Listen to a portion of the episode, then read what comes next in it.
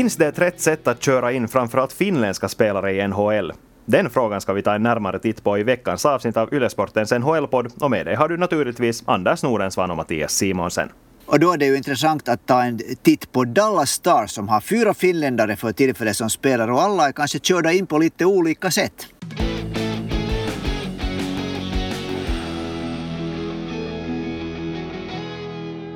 Jag har sett det som New York Rangers behandlar Capo Kakko fortsätter att väcka irritation hos alla er som lyssnar. Vi har fått in frågor om det också den här veckan, men vi tänkte faktiskt vända på stegen den här gången. Istället för att lyfta fram de här negativa exemplen som just Kakko eller varför inte Jesse Puljujärvi, så tänkte vi fokusera på spelare som har visat sig fått växa in i NHL på rätt sätt. Jag skrev förra veckan i NHL-kolumnen skrev jag om Capo Kakko och då kom det in eh, en förfrågan om att vi borde snacka om Rope Hintz här i, här i det där podden och det ska vi göra nu. Och Rope Hintz är ju en spelare som verkligen är ett bra exempel på hur man kommer in i en organisation på, på rätt sätt. Han, kom ju, han är ju höjd till den här eh, klassen av juniorvärldsmästare från 2016 och var kanske Finland en spelare som man inte hörde till det där som man tänkte att skulle göra den äh, kanske allra bästa NHL-karriären. Hans skridskoåkning var, han hade tror, ganska långa kurvor, han var kanske inte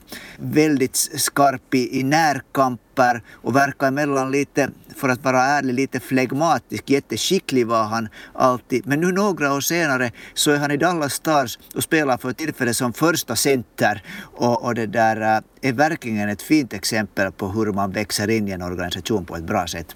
Ja, men där ska vi ju ändå komma ihåg att Tyler Segran inte är aktuell för spel, han är långtidsskadad. Att det fanns ju förstås ett tomrum som behövde fyllas och Roope Hintz har ju redan liksom visat att han, han eh, är eh, kanske den, det enda andra alternativet med tanke på hur den truppen ser ut. Men han har ju ändå växt in i den där rollen som det enda andra alternativet. Han har fått växa till sig i hela organisationen, gick via AHL, har fått axla ansvaret också igen och helt som du säger så har på något sätt lyckats sudda ut de här frågetecknen som det fanns tidigare. Jag tycker att det är väldigt glädjande att se. Och det, det är faktiskt något som jag tycker att man ska ge, eller man ska hylla Dallas som organisation för att de faktiskt har gett honom utrymme att växa på rätt sätt. För det bevisligen lyckas ju inte alla lag med det. Nej, verkligen inte. Och, och, det där. Men det kräver såklart också mycket av, av spelaren. Att, att Roppe Hintz fick väl egentligen sin chans av, av Jim Montgomery, coachen som inte numera är med Dallas efter att det kom fram att han hade gjort bort sig med alkohol. Men Rick Bones, den nuvarande äh, chefstränaren, var en andra tränare under Jim Montgomery och de hade ett gott öga till Hintz. De trodde på honom och han fick växa till sig i, te i Texas Stars i AHL-laget där han gjorde väldigt bra ifrån sig. Och, och, så körde man in honom då under säsongen 18-19 i Dallas. Han spelade ännu 18-19 spelade han en fjärdedel av säsongen i Texas Stars. Men sen kom han in och han spelade nästan 60 matcher uppe, uppe i NHL. Och så småningom fick han mer ansvar och sen var han riktigt bra i slutspelet då, alltså 18-19. För då gjorde han 8 poäng, 5 mål plus 3 assist på 13 matcher. Och visa, visa liksom att han tog hela tiden mer ansvar. Han, hade, han är en stor kille. Han började använda sin kroppshydra i tacklingar. Han hade format om sitt äh, skridskoåkande på det sättet att han är ju fortfarande en sån där när han, att, att det är ju inte den snabbaste accelerationen men han håller sig rörlig och så accelererar han och han kommer med en grym fart över neutrala zonen. Och jag tror faktiskt att när man tittar på hur han kör in över, äh, över äh, blålinjen in i anfallsområdet så tror jag att han hör till de till de starkaste faktiskt i NHL på, för tillfället på att, på att äntra liksom anfallszonen, eller vad, vad tycker du? Nej, jag håller med. För nu om någon nämner Rope så är det kanske det första man tänker på är just den där skridsko styrkan på något sätt, hur stark han är som skridskoåkare, hur snabb han är, hur han lyckas skapa utrymme för sig själv och andra framförallt med sin snabbhet. Det är kanske det som man på något sätt kopplar ihop med Hintz just som spelare, tycker jag åtminstone, så här spontant. Eh, men det som jag här skulle tycka skulle vara jätteintressant att höra är hur Hintz och varför inte de andra finländarna i Dallas också, kanske främst Joel Kiviranta, upplever att de att hur verklig den här chansen var för dem att knipa en plats i NHL. Jag menar, när man kommer till AHL så vet man ju förstås att jo, jag är där för att kämpa med en NHL-plats, men samtidigt tror jag att det måste finnas den där viljan inom organisationen också, den här faktiskt att de visar att de här spelarna har möjligheten att ta sig till NHL om de spelar på rätt sätt, om de gör det vad tränarna ber av dem. För det, jag tror att det är nyckeln till det att, att Dallas har klarat sig så väldigt bra för att de har lyckats skapa en sån här på något sätt ömsesidig tillit, både till spelarna och att spelarna också litar på organisationen, att om jag spelar bra så kommer jag att få chansen, för det har de ju bevisligen gjort. Joel Kiviranta äh, har vi ju snackat om i podden då under det slutspelet hur mycket som helst känns det som, nu skadad dessvärre. Men, men Rope Hintz tycker jag också att faller in under samma paraply. Ja, och, och, det är ju på det sättet två, två det är roligt att du tog fram de här exemplen för det är ju annorlunda. Jag tror, jag är ganska övertygad om att Rope Hintz var ändå eh, en sån kille som när han kom till, till Dallas så hade man eh, på det sättet ett tydligt manuskript. Han skulle utvecklas till en spelare som kommer att spela i NHL och man hade förhoppningar om att han kommer att kunna bära eh, det ansvaret som han nu för tillfället har tagit. Medan då Joel Kiviranta är ju en sån här liksom högoddsare att han blev ju aldrig eh, draftad. Han var i VM-guldlaget 2019 och då har jag för mig att det är faktiskt den före detta Dallas-giganten Jere Lehtinen som tipsade Dallas Stars att hej, att här är en kille som ni kanske borde testa.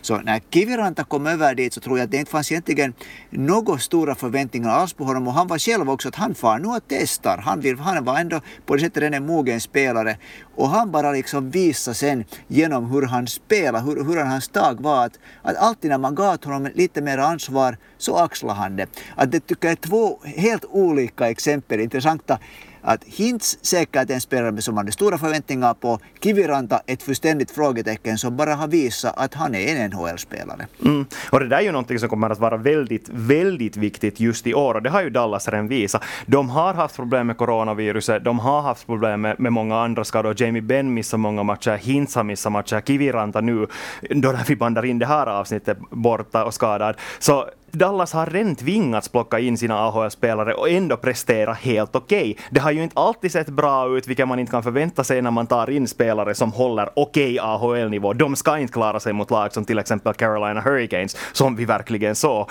Så eh, men jag tror på något sätt ändå just därför att Dallas är ganska bra byggt för att klara sig den här säsongen, för att de har en så stark organisation i det där att de har, vet, spelarna vet vad de har sig själva, lagen vet, eller Dallas vet var de har sina spelare och hur, hur bra de klarar sig i ligan. Och att Rick Bones verkligen är rätt man på rätt plats, det talar vi ju redan om under slutspelet, att Bones är en sån tränare som lyfter fram personen fram om spelaren, att han faktiskt får de här spelarna att ge sitt allt och det är någonting som kommer att krävas nu.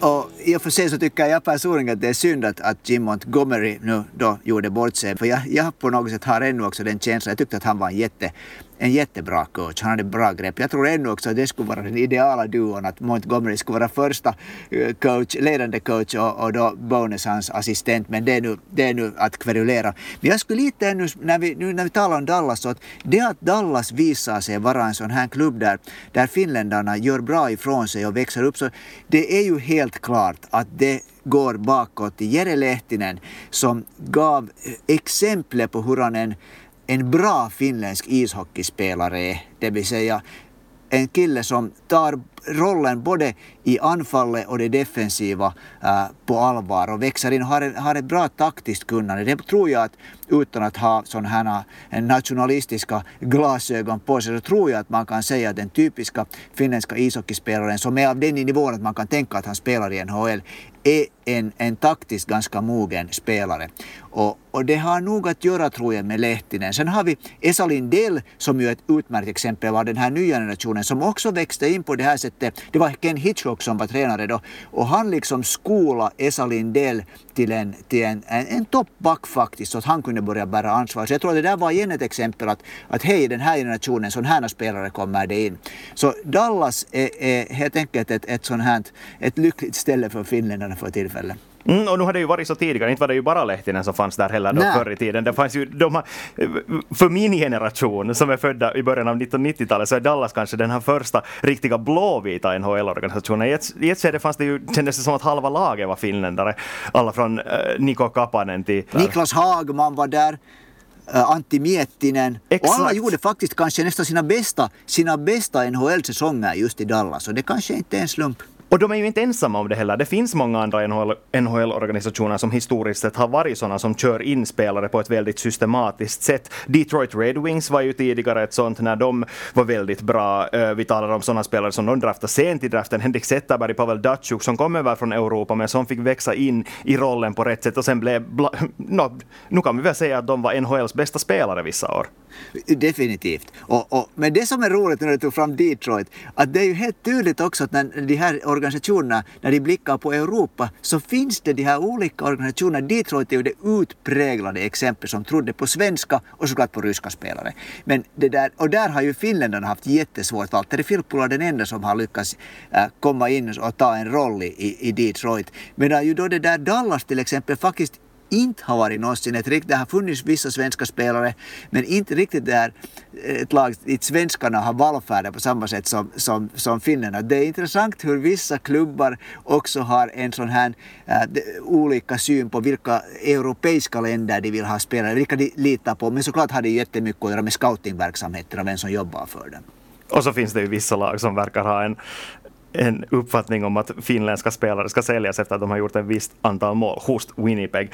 Uh, vi ska kanske inte gå in mer på Patrik Laine den här gången. Nej, vi låter, vi låter Patrik Laine debutera i Columbus och se hur det blir där.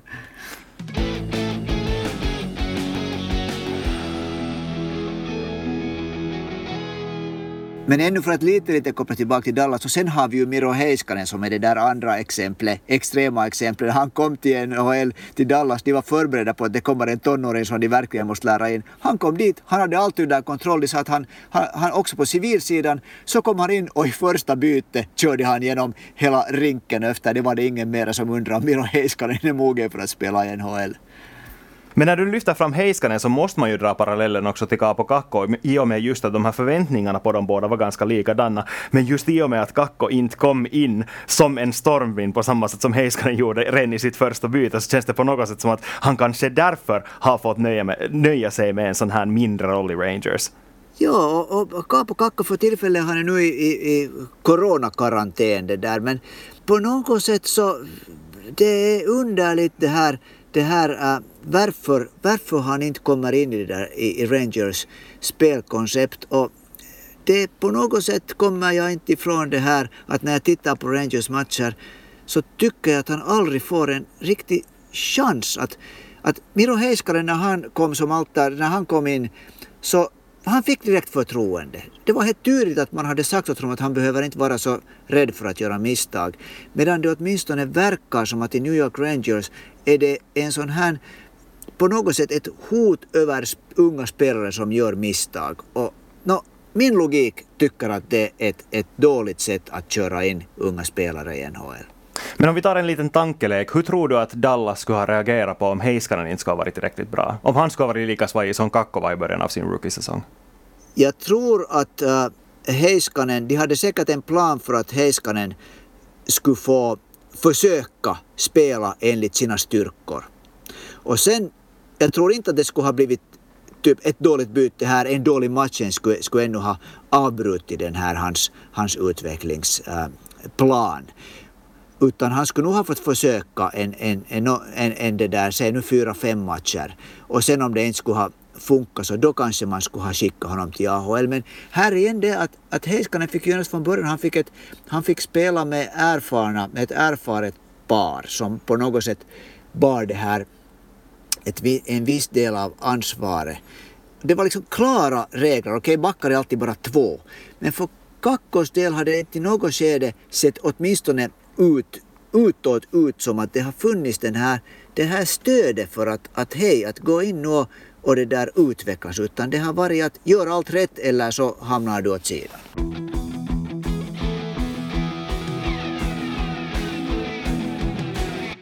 Men det finns ju som sagt andra exempel också. Jonas har faktiskt skrivit in och undrar om Kevin Lankinen är en diamond in the rough för Chicago Blackhawks nu och om han till och med skulle kunna vara All-Stars aktuell. Och Lankinen är ju faktiskt också ett ypperligt exempel på en som har fått växa in i sin roll i NHL. Uh, eh, man kan ju med blåvita glasögon förstås tycka att han borde ha fått en, en riktig chans redan efter bragdguldet i Bratislava. Men det har funnits aspekter i hans spel som Chicago inte har varit riktigt bekväma med och därför har det dröjt. Men, men nu har han ju deras första målvakt. Så ser det ut och han, han är ju, tar ju på ett härligt sätt den här chansen som han får nu. Chicago är ju inte på det sättet i det ideala laget nu att spela i att, att Chicago är ganska dåligt. Men för en målvakt är det ju ofta så att det det, Chicago kommer ju garanterat inte till exempel att, att nosa på en slutspelsplats den här säsongen. Men för en målvakt är det ju ofta så att när man spelar i ett lag som äh, tar emot mycket skott så är det ju på många sätt den ideala, ideala äh, omgivningen för en målvakt som är på väg framåt. För han får verkligen spela mycket, han får verkligen visa, han får utveckla, han får liksom mängder av olika typer av skott. Så det kan vara för en, en kille som är på väg nu att ta sin plats i NHL så kan det vara betydligt bättre att spela äh, i Chicago än, än till exempel i Carolina som emellan eh, bara får tio skott mot målet under hela matchen. Eh, men samtidigt tycker jag inte att Chicago har spelat så dåligt heller under början av säsongen. Att, eh, förstås, ja, de håller på att bygga om, men samtidigt har de kvar de här vissa stora stjärnorna. Det finns Jonathan Taves, finns kvar i laget, Patrick Kane finns kvar i laget, Duncan Keith kan fortfarande spela försvar i NHL. Att inte, inte är det ju som att de är alldeles usla, om vi snackar om jämförelse med till exempel, ta nu Ottawa Senators till exempel. Att nu, nu finns det någonting att bygga på i Chicago och därför är det just glädjande att Lankinen har visat nu att han kan vara en målvakt som de kan bygga någonting kring. Det är sant, men att, men att det där äh, nu är det ju tack vare Detroit som Chicago inte kommer att bli sist i, i Central Division. Ja, det kan men, vi vara överens om. Men, men tillbaks till, till det där till Lankinen så, jo alltså det är ju ofta så att äh, NHL-lag är mycket oimponerade av uh, av det som europeiska målvakter gör i den här stora rinken i Europa i VM-turneringarna. Det, det, är ju inte en och inte två gånger som målvakter kommer över dit och man tycker att hej, att de här har ju varit toppmålvakter i Europa, att månne de nu inte ska få sitt, få, få sitt förtroende i NHL. Men det, det är nog en lång väg till det alltid och ibland är jag personligen inte helt övertygad om att, om att det har så mycket att göra med, med hur de presterar utan det har mer att göra med den här processen att, att, det där, att man anser att en målvakt måste gå igenom en Det är ju hemskt, hemskt ovanligt att en målvakt kommer till NHL från Europa utan att först ha varit i AHL. Nej, alltså, nu spontant kommer jag egentligen bara att tänka på Mikko Koskinen som exempel. Var han inte en säsong någon gång för länge sedan i AHL? Ja, Eller var det så att han... Nej, alltså nu ja. spelade han ju i New York Islanders tidigare, men det känns ju ändå som att det inte var ja. på grund av de meriterna som de plockade in honom, utan det var ju för att han, han ansågs vara den bästa målvakten i Europa då när han spelade i SKA. Och han vägrar väl att skriva under ett tvåvägskontrakt har jag för mig. Mm. Och det är ju i det skedet som man kommer in när man redan har glänst i Europa, i KHL som ändå väl ska sägas att är världens näst bästa ishockeyliga, så då har man en annan position när man förhandlar om kontrakten i och man vet att de här klubbarna faktiskt vill ha det, att det har snackats mycket om det och du vet att du är, det finns en hype runt omkring det. För Kevin Langinen fanns det ju inte något sånt. Han kom i princip in, som, in till Chicagos organisation som en oprövad Helsingfors IFK-målvakt. Just det. Och han kom till VM då 2019 hade han till och med spelat i ECHL när han kom till VM då och det där gränste där. Jag tycker på något sätt att han inte ens är en sån här oslipad diamant mer. Han är ju inte helt ung, det är inte så att han är 25 år gammal. Och hans hela, alltså hans agerande, hans det där, hur, hur lugn han är, han positionerar sig jättebra och så är han ju men otroligt smart kille. Jag hörde en eh, NHL-kommentator, eh, eh en lokal, berätta att Kevin Lankinen, om han har en chans att vara på plats och titta på, på andra lag när de spelar, så han analyserar allt vad målvakterna gör. Han är inte otroligt intresserad, han är nörd gällande hur olika målvakter agerar och han, då han speciellt eh, koncentrerar han sig på hur de agerar eh, med, med, med sina medspelare, hur de snackar tankar, hur de, hur de placerar sig i olika situationer. Att han är sån här som är analytisk ut till fingerspetsen och det märker man ju på honom när han talar också. Han är ju alltid lugn, hans svar är alltid genomtänkta. Så att han är ju på det sättet en sån här urtyp av den här äh, målvakten som alltid är lite annorlunda än övriga laget. Mm. Och jag tycker att det där som du sa just det där att han inte längre är en oslipad diamant är väldigt talande för hur Chicago har jobbat med honom. Och, därför, och det är kanske orsaken varför vi lyfter fram honom i det här sammanhanget. Just för att han tvingades spela till och med i ECHL, spela länge i AHL. Och nu ska vi också komma ihåg att Chicago i den här, under de här tiderna så hade de ju en klar första mål. De hade Corey Crawford. Det var inget snack om att Lankinen, ens om han skulle ha fått spela i NHL, så han skulle vara en klar andra målvakt till Corey Crawford. Så istället då när man vet det här, att man har en etta, man har två år som man kan lita på. De signar Robin Lehner, de har haft Malcolm Subban i, i organisationen nu. Colin Daly har varit länge i AHL tillsammans med Langen också. Det är väldigt jämnstarkt på något sätt. Så då när man vet att man har en målvakt i Kevin Lankinen som ännu kanske för, kanske för några år sedan var den här oslipade diamanten, så har man i lugn och ro putsat fram honom, polera upp honom, preppa honom för att bli en så stark målvakt som han är nu förra säsongen måste ju ha varit lite, lite knäckande för Lankinen när de tog, tog in Robin Lehner där också, för det var duon Corey Crawford och Robin Lehner, så då är nog, då är nog chansen minimal för en, för en finländsk yngre målvakt att få, få chanser där. Så det var ju på det sättet som en lotterivinst för honom att båda försvann där. Äh, Malcolm Subban så tror jag nog inte att kunna, kommer att kunna tävla med Kevin Lankinen i längden om, om första spaden. Jag, jag, ser nog Kevin Lankinen som en helt enkelt tekniskt sett bättre målvakt och så tror jag att Kevin Lankinen eller jag tycker att han har redan visat att han är en, en helt fenomenal vinnarskalle. Men jag tycker att Malcolm Subban lite mer en sån här, som sin brorsa, att han går hemskt starkt liksom att, med känslorna och en, så, en sån reaktionsmålvakt. Jag på något sätt tycker att Lankinen är en på det sättet bättre skolad målvakt. Nej, alltså jag håller med om att Malcolm Subban så här långt under sin NHL-karriär har visat att han är en andra målvakt. Han är en väldigt bra andra målvakt tycker jag.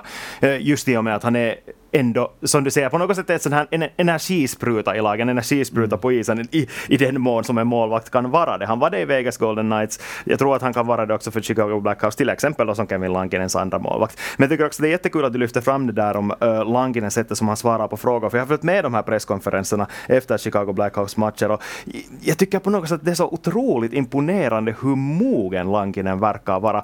Att eh, när man lyssnar på hans svar, när han, man lyssnar på hur han analyserar hur försvarsspelet har utvecklats den här senaste tiden. Så det känns faktiskt som att det här är en målvakt som har spelat i NHL redan minst fem år. Och sen är det skönt att han har det här han har ödmjukheten men samtidigt ett självförtroende. Det var den här presskonferensen efter den förra matchen när, han, när, när, de, när frågorna var på någonting att, att, att, som han skulle vara en sensation. Och så måste han riktigt säga att, att han spelar ju nog var det nu tre eller fyra säsonger proffsishockey i Finland före han kom, kom till Nordamerika. Och så ska vi inte heller glömma att understryka att det faktiskt är jätteutmanande att komma in som europeisk målvakt i NHL om man bara har spelat i Europa, för det är ändå så pass annorlunda. Det där att anpassa sig till liten rink, så det är förstås svårt för en utespelare också om man, eller det kan vara svårt för en utespelare, men jag vågar åtminstone påstå att det är väldigt, väldigt annorlunda för framförallt en målvakt. Och sen att talangnivån höjs så oerhörd när du kommer från FM-ligan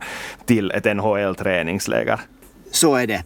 Och det här ska vi kanske ta upp helt en annan gång, men det där, när du nu nämnde det här så måste det där, du säger att komma till, till den lilla rinken. Så nu är det ju på ett sätt ganska intressant om vi tänker att alla spelare vill till NHL. Det är den, den ligan som är helt i sin egen klass. Man kan säga att världens 700 bästa spelare spelar i NHL och de spelar i liten rink. Och det här är ett, ett, diskussionsämne år efter år, vecka efter vecka, hur det kan vara svårt för vissa europeiska spelare att akklimatisera sig till, till NHL när de kommer från stor rink. Det är ett problem att man spelar i olika stora rinkar i Europa och NHL.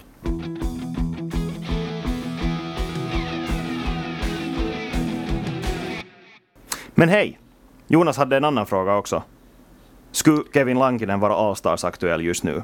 Det, kommer, det spelas ju ingen Allstars på grund av, no, vi, alla vet varför. Men eh, vad tror du? Skulle han kunna vara en, en målvakt i, i den här Central Divisionens Allstars-lag? Oj, det är ju nog det, är ju nog det där. Äh, det där var en bra fråga. Då ska vi komma ihåg att, att, att uh, centraldivisionen så där finns Andrei Vasilevski som kanske kan vara Årstar aktuell. Så har vi Jonas Korpisalo som garanterat säkert är Allstar aktuell också. Eller inte garanterat säkert, inte lika säkert som Vasilevski men, men det där kan vara det. Hans, hans klubbkompis Elvis Merzlikins kan också vara det. Hudobin från Dallas. Där är nog en hård tävling men det är så att alla, alla lag ska ju ha en spelare som kommer till All-Star vanligtvis. Så det där Chicago, mm, men visserligen så kan man nu tänka sig att, att Patrick Kane inte blir borta för en All-Star-match. Mm, nej, det är just det där som är problemet. Att, att, helt som du säger, alltså det har ju varit så historiskt sett åtminstone, att det har varit minst en spelare från varje lag. Och då, när man talar om ett bottenlag just nu som Chicago är, så är det en spelare som är aktuell. Och i det här fallet så brukar ju nog ligan vilja ha de här stora affischnamnen som man kan sälja, sälja evenemang med och det är Kevin Lankinen inte riktigt ännu. Men samtidigt så Ja, han är, han är ärligt talat en, en av de bästa målvakterna i NHL just nu, eller ska vi säga en av de formstarkaste målvakterna i NHL just nu. Du lyfter fram de här Columbus-målvakterna, de delar på ansvaret helt 50-50 för tillfället. Inte finns det något som talar för att någon av dem skulle vara värd en plats mer än vad en klar etta i Kevin Lankinen skulle vara. Så i, rättvi, i ett rättvist val skulle Lankinen vara aktuellt, men eftersom NHL organisationen och marknadsföringsapparaturen ser ut som den gör så han, skulle jag dessvärre säga att det, det är ganska hög, höga odds på att Lankinen skulle bli allstars uttagen. Och så ska vi ju komma ihåg att, att, att i, i talande stund så har han spelat sex matcher i NHL den här säsongen. Så det är ju det, är det där, mycket kan hända och det behövs inte mycket för att en målvakt kommer lite ur gängorna.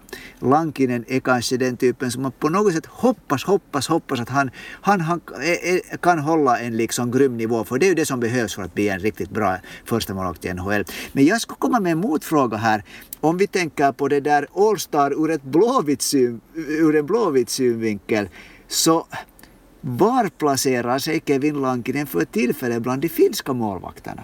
Om vi tittar på de här traditionella statistikrankningarna så är Kevin Lankinen etta i räddningsprocent, han är etta i insläppta mål per match. Han har, han har släppt in bara en knappt två mål per match och det är nog imponerande. Han har ändå spelat sex matcher, näst mest, tangerat näst mest av alla finländare. Och nu är det ju han och Korpisalo och Saros som jag skulle våga påstå att är de aktuella just nu. No, Tuukka Rask är ju förstås en som man har år ut och år in. Kaapo Kähkönen har också varit väldigt bra i Minnesota. Honom måste vi ta en närmare titt på i något skede under poddsäsongen. Men ja, no, alltså, jag skulle nog säga att Lankinen är topp två nästan just Jaha. nu. Vågar jag påstå. Det, och så, och det där, just det, och så måste man nu komma ihåg som sagt att, att, att vi alla vet att sen när Tuukka Rask slår stora växeln på så är han en av världens absolut bästa målvakter. Det är ett, det är ett ganska härligt, en härlig situation gällande finska målvakter för tillfället. Vi har då Lankinen, Korpisalo, äh, så tycker jag att, att Antti Ranta nog fortfarande, om han bara hålls hel, är en målvakt som, som det där för det mesta är jättebra. Nu har han spelat en match så här långt. Tuukka Raskialäärä, men han delar också på ansvaret med Jaroslav Halak. Att inte. Just den här säsongen så har ju också Boston gått in för att dela på ansvaret mellan målvakter och då rangordnar, och rangordnar jag nog en klar etta över honom. Så just nu är faktiskt Kevin Lankinen högre än, än Rask på min lista. Inte minst just om man tittar på statistiken också. Tuukka Rask har bara räddningsprocent på 89, Kevin Lankinen nästan 94. Det är otroligt. Äh, men sen när det blir slutspel, om Boston går till slutspel, så tror jag att det inte mera delas så hemskt mycket på ansvar i Boston. Det där. Och Men Tuka, vi talar ja. All-stars, inte tar man ut All-stars-lagen för ah, bara slutspelet no, Okej, okay, det är bra att du, du, du stryker under det här. Ja. För jag tänkte på liksom det, att det fin, ett, ett finländskt All-star-lag för tillfället, så hur skulle han placera sig där? Men det där, ja, man ska hålla sig till resultat. Så det där, det är sant att för tillfället så är Lankinen och Korpisalo äh, huvud, eller ett halvt huvud åtminstone högre än de övriga.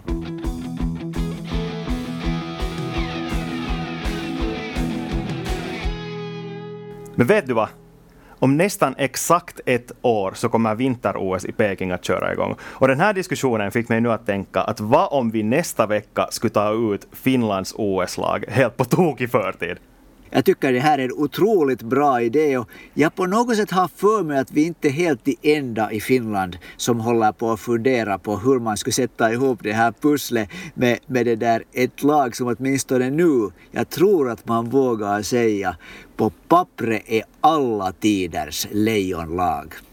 Så om du har ett förslag på någon viss spelare som du vill att vi ska snacka huruvida de platsar eller inte så är det bara att slänga iväg det här namnet och så kan vi ta ställning till det nästa vecka. Du, du når oss på Ylesportens Instagramkonto eller via mail till svenskasporten.yle.fi och nästa vecka så tar vi tur med de här OS-trupperna. Tack och hej!